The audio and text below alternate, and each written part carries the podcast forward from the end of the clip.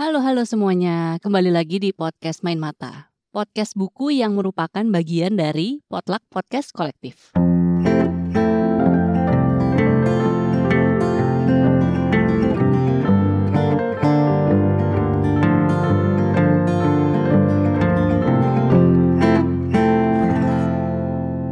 Follow di Instagram at Potluck Podcast supaya kamu gak ketinggalan kalau misalnya kami ngadain program terbaru. Halo halo dengan Patty di sini dan di segmen orang dalam kali ini aku mengobrol dengan seorang penulis yang katanya tuh namanya susah banget ya disebut tapi ternyata setelah dicoba beberapa kali udah lancar nih. Jadi aku ngobrol dengan Ziggy Zezia Joviana Zabriski. Yes. Coba nanti kalau ada dari kamu yang belum lancar nyebut namanya, latihan deh. Sekali bisa, itu kayaknya nggak pengen nyingkat lagi gitu. Soalnya namanya bagus sebenarnya. Anyway, jadi aku ngobrol dengan Ziggy nih mengenai buku kita pergi hari ini ya, terutama gitu. Cuma kalau di bab ini sih aku lebih pengen tahu Ziggy tuh dari segi penulisannya dulu ya sama backgroundnya lah gitu karena kalau dari yang aku cari-cari memang aku jarang sekali bisa menemukan Ziggy itu dulunya gimana gitu. Yang aku temuin ya paling dia dari 2010 kalau dari sumber yang aku dapat ya dia dari 2010 itu udah menulis sampai sekarang nih kayak 30-an lebih buku. Itu kan gila banget ya sebenarnya untuk seorang penulis produktif banget. Jadi aku penasaran kenapa dia bisa menulis segitu banyak? Terus kegiatannya dia apa aja sih? Dan awal tahun 2022 ini, kalau misalnya ada dari kamu yang lihat info dari Dewan Kesenian Jakarta, Ziggy tuh jadi juri sayembara novel DKJ yang 2021. Dan ini tuh disembunyiin gitu sepanjang tahun kemarin ya, karena dia bilang dia udah ngejuri tuh baca-baca naskah ya dari mungkin pertengahan akhir tahun gitu deh. Terus kan baru ketahuan kemarin tuh. Jadi aku juga penasaran gimana nih rasanya Ziggy ya sebagai yang tadinya novelnya dijuriin terus sekarang dia ngejuri. Keren banget.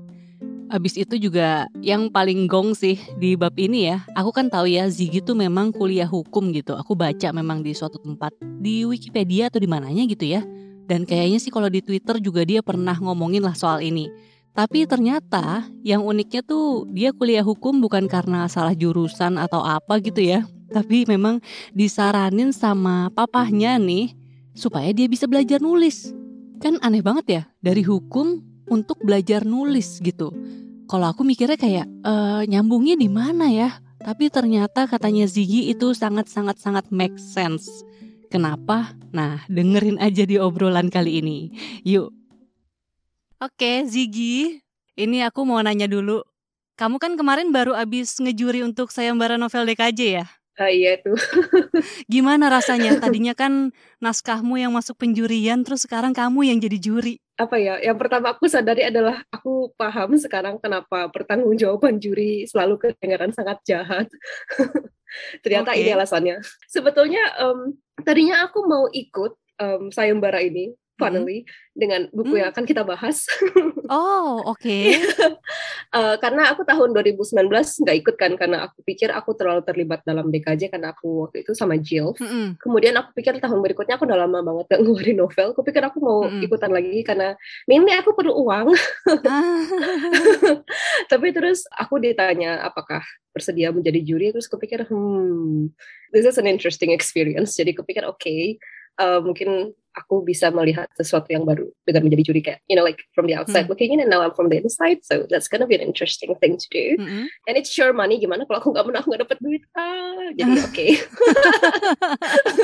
aku agak cemas sih karena aku nggak tahu siapa dua juri lainnya itu nggak aku ketahui sampai waktunya rapat pertama oh, untungnya bapak-bapak sangat baik padaku juga jadi aku mm. agak tenang ketika rapat kami ada mengadakan rapat offline sekali untuk uh, menentukan nama-nama final. Dan itu bapak-bapak baik sekali. Aku sudah sangat takut tadinya.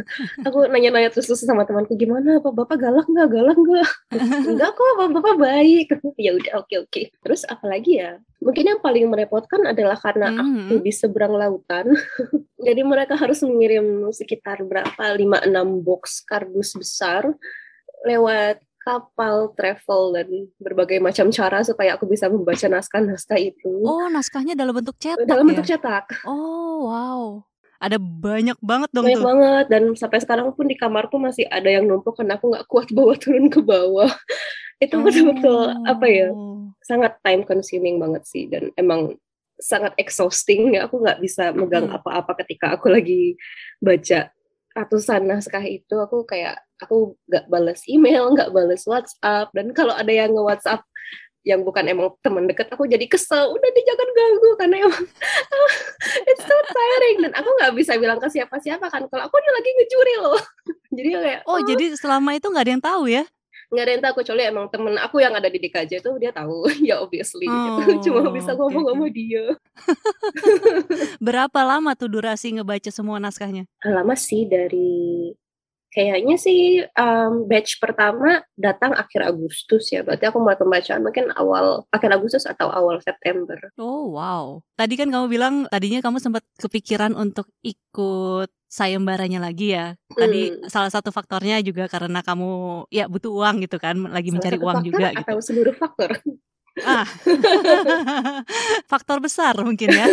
Jadi kan sebenarnya bisa dibilang profesimu memang menulis ya, penulis ya. Iya, aku selalu bilang aku cuma bisa diidentifikasikan sebagai penulis sih. Oke, sebenarnya kan yang namanya penulis kan ada macam-macam nih. Uh, misalnya ya penulis buku gitu. Terus ada juga penulis uh, yang mungkin untuk perusahaan, penulis proposal gitu ya. Nah, kalau kamu memang fokusnya di uh, menulis buku berarti? Iya aku nggak yang lain-lain. Wow. Nah ini menarik Sedikit ya. terbayang privilege-nya ya. Tapi kalau misalnya ada orang yang bilang susah ya jadi penulis novel gitu ya untuk bisa hidup layak gitu. Hmm. Menurutmu gimana? Ya emang benar. Ah, uh, tapi apa ya keluargaku memang dari dulu agak in financial way we're very weird. Um, hmm. Keluarga aku tuh apa yang kusebut sebagai hedonis in a, in a real hmm. sense. Hmm. Kayak bukan maksudnya mereka menghamburkan uang, tapi memang everything we do is in pursuit of pleasure. Jadi kami punya uang kadang-kadang karena papaku juga bekerja sebagai kontraktor listrik -hmm. dan itu kan per proyek banget ya. Jadi ada kalanya kami betul-betul nggak bisa makan yang literally kami barely have enough money to buy rice and probably if we, if we have rice we we only have like tempe atau makan pakai bayam it it happens a lot hmm. tapi um, from the outside we look like we're really rich we look like we're really wealthy karena uh, we always look happy, like super happy. Dan kami selalu kayak pergi jalan-jalan ke mana-mana, ngapa-ngapain. Padahal kami itu jalan-jalannya ya ke laut yang emang nggak perlu mengeluarkan uang dan jalan-jalannya ya, hmm. ya ya menggunakan mobil dari orang jadi kayak uh, kami tuh punya privilege of I don't know like orang-orang tuh baik sama kami jadi ya mereka kadang-kadang minjemin aja apa yang mereka punya atau mereka membantu apa pun yang kami butuhkan. Jadi kami nggak punya uang tapi we have lots of people gitu bukan orang-orang oh, yang okay. particularly rich tapi kayak tetangga juga baik gitu loh. So we're mm-hmm. wealthy in the, in different way. We have lots of time to yeah pursue pleasure. Jadi um, kami pun memang sering keadaan nggak punya uang itu sudah terlalu familiar. Jadi hmm. in a way nggak terlalu takut karena basically kami memang waktu kecil pun aku sedikit sangat sering memikirkan um, how about future, how about future karena kami selalu berhadapan dengan mungkin besok nggak bisa makan, mungkin besok nggak bisa makan nih. Tapi uh, eventually kami selalu bisa makan karena ya mungkin kadang-kadang hmm. teman papa ada yang datang bawa makanan ya kami selalu punya sesuatu gitu jadi lama-lama terpikir juga mungkin we're not the type of people who can think of future we cannot afford that jadi uh, we just think of today, what can we have today, what can we eat today. Jadi ketika punya uang pun kami nggak punya kebiasaan menabung. Um, ini bukan financial advice ya, jadi jangan di, jangan diikutin. Tapi it's it's a it's it's a I don't know, like it's good for surviving. I think. And keluargaku tuh sangat volatile, sangat we live in danger constantly. Jadi memang kami harus memikirkan hari ini dan kupikir ketika membicarakan soal keuangan dan kelayakan hidup um, sebagai penulis, realistically I don't have money at all dari menulis karena royalti datang enam bulan sekali dan datang pun hmm. gak banyak. Jadi um, ya mungkin cuma beberapa juta it's nggak cukup untuk satu mungkin sebulan cukup kalau untukku sendiri. Tapi ya I cannot afford anything else. Tapi kayak um, we have money from engagements kayak um, speaking engagements that's kind of like where I get money from. Atau commissions dari institusi atau organisasi lain misalnya mereka punya proyek um, itu biasanya aku dapat uang dari situ dan itu pun biasanya nggak besar tapi hmm. we have enough I have enough. Jadi I don't really mind karena mungkin aku juga nggak punya keluarga. Maksudnya uh, I'm not married I don't have kids. Yeah. jadi aku nggak punya tanggungan aku cuma punya aku sendiri dan keluargaku yang nggak banyak nuntut. Dan kami kebiasaan uh, pemasukan kami itu seperti diletakkan di dalam mangkuk besar. Jadi siapa yang perlu uang ambillah. Jadi it doesn't matter oh. uangnya dapat dari siapa apakah kakakku yang punya uang ataukah papaku yang punya uang ataukah mamaku dapat apa dari mana. Itu kami masukkan in a big bowl dan siapa yang butuh tinggal bilang ke suatu seseorang dan kami akan transfer atau gimana. Pokoknya we're just like kami nggak independen, kami nggak hidup sendiri. Hmm. Um, sejauh apa pun kami meskipun ketika itu ada keadaan di mana uh, kami tinggal terpisah-pisah, kami tetap hidup dengan this bowl of money. Jadi ya, um, basically we just rely on each other. Kadang-kadang emang papaku sama sekali nggak punya uang sehingga aku yang harus ngasih. Jadi uh, ya memang uh, we survive by family gitu. Jadi ya absolutely nggak bisa diterapkan ke semua orang. Tapi yeah, yeah, yeah. Um, ketika aku bilang privilege, kenapa aku bisa hidup sebagai penulis aja, itu karena ya I have full support from my family dan mereka juga yang tipe ya we help each other aja. We are all that we have. Hmm. Iya kalau misalnya uh, yang lihat dari media sosial lah terutama gitu kan yang paling kelihatan ya. Hmm. Memang kayaknya kamu sekeluarga juga kompak banget gitu kan. Iya. Yeah. Oke. Okay. Berarti sebenarnya tadi kan kamu bilang um, ada misalnya kerjaan menulis itu dari komisi gitu. Itu karena memang drive-mu adalah untuk menulis buku, menulis novel gitu ya, menulis cerita. Jadi memang kamu juga tidak mencari ke situ sebenarnya kan? Fokusmu iya. kan ke menulis cerita gitu ya. Aku pun commissionnya juga cuma dalam bentuk cerpen misalnya. Atau memang proyek oh, seperti okay. itu. Baru-baru ini aku diminta menulis kata pengantar. Dan itu masih kata pengantar untuk novel. Jadi aku nggak nggak hmm. bisa keluar dari sini. Gak jauh-jauh ternyata. Dan aku sempat baca tuh ya di mana ya kemarin. Jadi kan aku kan baca buku kita pergi hari ini terus kayak wow banget gitu ya gitu tercengang gitu dengan bukunya terus um, memang lagi bikin video review bukunya inilah di YouTube oh, gitu okay. terus pas lagi baca-baca jadi aku menemukan kalau kamu dari ini kalau nggak salah ya dari karir kepenulisanmu berawal tuh 2010 kayak udah 30-an lebih buku. Oh iya iya iya emang. ya ya Wah, gila sih. Uh, seingat aku sebetulnya 2009 ketika aku masih SMA ah. itu aku sakit cukup lama. Kayaknya sih tiga harian aku sakit. Itu menurutku udah lama karena aku biasanya nggak sakit. Mm -hmm. Dan itu karena aku nggak bisa ngapa-ngapain, aku nulis, like uh, nulis novel pendek. Dan itu aku um, diterbitin sama penerbit yang mm. sangat kecil dan sekarang sudah tiada. okay. Dan setelah itu aku ya aku nggak berhenti menulis novel setelah itu. Ketika kuliah juga aku menulis novel, dan kuliahku sangat panjang ya karena nggak lulus kamu kuliah hukum ya kalau nggak salah ya oh, iya menangis di sela-sela belajar hukum menulis novel tidak suka Kenapa dong diambil? Uh, karena papa bilang ini adalah cara yang baik untuk belajar menulis. in oh, a ya? way it's true, in a way it's true. Dan aku nggak benci belajar hukum karena apa ya? Uh, aku kesulitan menyampaikan uh, ide karena obviously my mind is convoluted. Hmm. Jadi uh, apa ya dalam hukum ya kita harus clear and precise kalau nggak bakal ada multi tafsir. Kupikir itu yang paling hal paling oh. penting dari belajar hukum yang bisa aku terapkan dalam penulisan. Karena aku memang nulisnya sangat beribet ketika aku pertama mulai menulis. Jadi yang hmm. kalimat-kalimat panjang nggak selesai-selesai dan bahkan sampai di akhir paragraf pun nggak intinya kayaknya belum matang. Jadi hmm. ya it's a waste of words. Jadi kupikir um, setelah belajar pembacaan-pembacaan dengan style akademis dan teks-teks hukum yang harus precise dengan definisinya. Hmm. Pikir itu itu sangat absorb dalam tulisanku. Dan sebetulnya kita pergi hari ini dan banyak tulisanku yang lain itu sebetulnya sangat undang-undang. Gimana tuh? It's a, in a way, kupikir itu adalah apa ya? Ada irisan antara uh, bacaan kesukaanku yaitu buku cerita anak-anak mm -hmm. dan juga undang-undang itu ada irisannya which is funny karena ketika um, buku anak-anak itu ada banyak sekali repetisi kayak Sam I am Sam I am or uh, Green Eggs and Ham itu selalu diulang-ulang kan kalau dalam uh, buku anak-anak mm.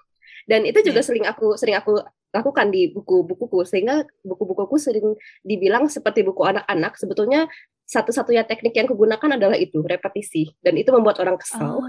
karena mereka ih ini apaan sih diulang-ulang? Tapi itu adalah teknik yang membuat uh, orang-orang teringat akan buku anak-anak. Dan undang-undang selalu melakukan repetisi. Definisi ini oh, nanti akan diulang lagi di sini.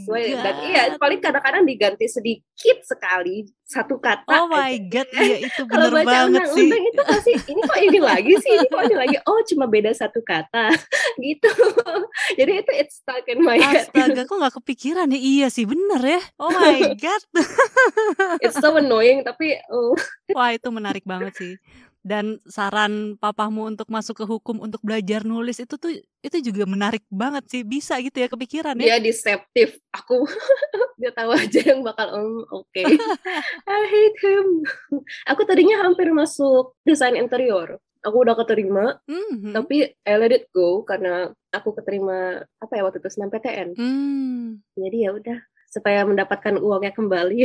Ya sudah aku tinggalkan desain interior. Ya oh, sedih. gitu. wow kalau dulu masuk desain interior mungkin sekarang profesinya berbeda nih jangan-jangan ya.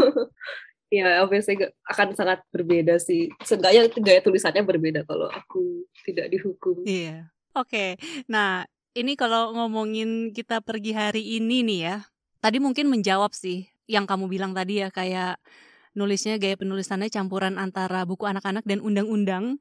Pas aku baca tuh, pas aku baca memang banyak banget pengulangan gitu kan. Terus yang memang aku takjub juga gitu kali ya. Kayak kamu tuh nulisnya kesannya kayak ngasal gitu loh, merancau terus ngasal banget ya nih. Ini apa sih gitu? Ada yang pertama-tama, kedua-dua gitu kan, kayak suka-suka aja gitu.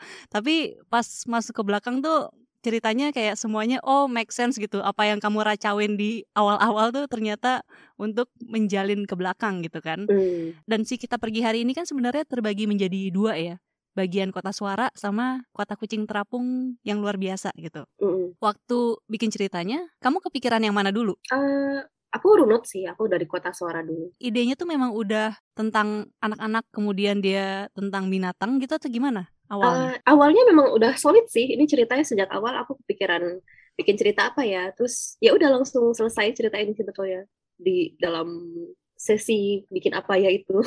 dari awal sampai akhir aku udah merencanakan terus tinggal uh, merealisasinya aja. Cuma ya realisasinya inilah yang lama.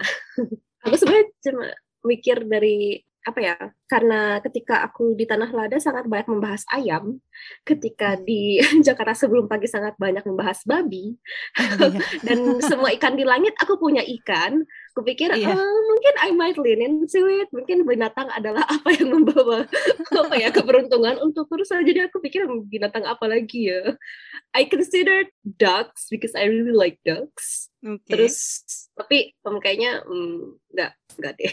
Terus akhirnya um, aku sebetulnya nggak suka kucing. Hmm. I don't like cats. I'm a dog person. Aku tadi sempat mungkin mungkin dogs because I like dogs a lot tapi um, akhirnya jadi kucing. Kupikir mungkin ini adalah saat yang tepat untuk mengekspresikan ketidaksukaanku pada kucing. Kayak kucingnya jadi gini. Pantesan kucingnya digambarkan dengan sadis ya. Seperti itu. spoiler. Tapi spoiler. Oh iya ya, teman-teman yang dengerin ini kalau belum baca kita pergi hari ini dan gak mau denger spoiler, jangan dengerin ya. Tapi memang apa ya sebagai pecinta kucing gitu ya, aku kan punya tiga kucing di rumah uh, sebenarnya yang kamu gambarin tentang kucing tuh sangat pas gitu ya. Terus aku sama suami kadang suka aku suka ngomong gitu kayak di, ke dia ya. Ini kayaknya kucing tuh sebenarnya bisa menguasai dunia deh gitu. Terus tapi dia bilang kalau misalnya kucing punya jari kayak manusia gitu katanya. Okay. Ini kan dia kan mengepal doang ya nggak bisa nggak nggak punya jari gitu jadi kayak nggak mungkin gitu dia bilang. Terus ya di bukumu kan digambarin dia seperti manusia gitu ya. Jadi kayak Iya, kayaknya dia bisa memperbudak kita deh, benar gitu. Terus kayaknya menurut aku binatang yang paling hostile tam dari tampangnya aja itu kayaknya kucing ini hostile banget ya. Iya. Iya kan? It make sense, it make sense. iya, bener bener bener. Kayaknya kalau anjing tuh kalau digambarin seperti itu kayak enggak lah anjing tuh kan kayak apa ya uh, guardiannya manusia gitu ya. Kayak nggak mungkin deh dia berbuat seperti itu ya, gitu. kan ada Terlalu yang baik. mukanya lucu banget. Emang ada yang mukanya kayak yeah. villain tapi ada yang lucu banget. Kayaknya oh, pasti akan dihentikan oleh golden retriever atau sesuatu. Ah! Iya bener. Pasti mereka nggak kompak. Kalau kucing kayaknya semuanya universally mukanya jahat. Kenapa kucing? Iya bener Oke, terima kasih sudah mendengarkan. Semoga kamu suka ya obrolan dengan Ziggy dan bikin makin kamu kenal juga dengan Ziggy yang karyanya kita sukain banget. Nah, kalau misalnya kamu merasa episode ini bermanfaat, seperti biasa jangan lupa share ke media sosial atau bagiin ke teman-teman kamu nih yang suka Ziggy juga biar mereka bisa ikut dengerin. Lalu seperti biasa nggak lupa mau mengingatkan jangan lupa ngerating podcast Main Mata di Spotify karena sekarang udah bisa kasih rating. Terus juga follow ya di Spotify. Abis itu tekan tombol lonceng notifikasi juga. Kalau misalnya kamu nggak mau ketinggalan nih bagian kedua dan ketiganya sama Ziggy dan bab-bab lain di podcast Main Mata tentunya. Abis itu follow juga kolektifnya kami, ini Potluck Podcast Kolektif di Instagram at Potluck Podcast. Karena di situ selalu ada update untuk episode terbaru dan juga kalau misalnya kami bikin program-program lainnya. Dan terakhir, tungguin obrolan bagian kedua dan ketiga sama Ziggy. Di bagian kedua nanti Ziggy bakalan ceritain lebih banyak soal proses pembuatan novel Kita Pergi Hari Ini. Kalau di bagian ketiga tentu saja ada rekomendasi buku dari Ziggy. Segitu dulu, sampai jumpa lagi. Dadah!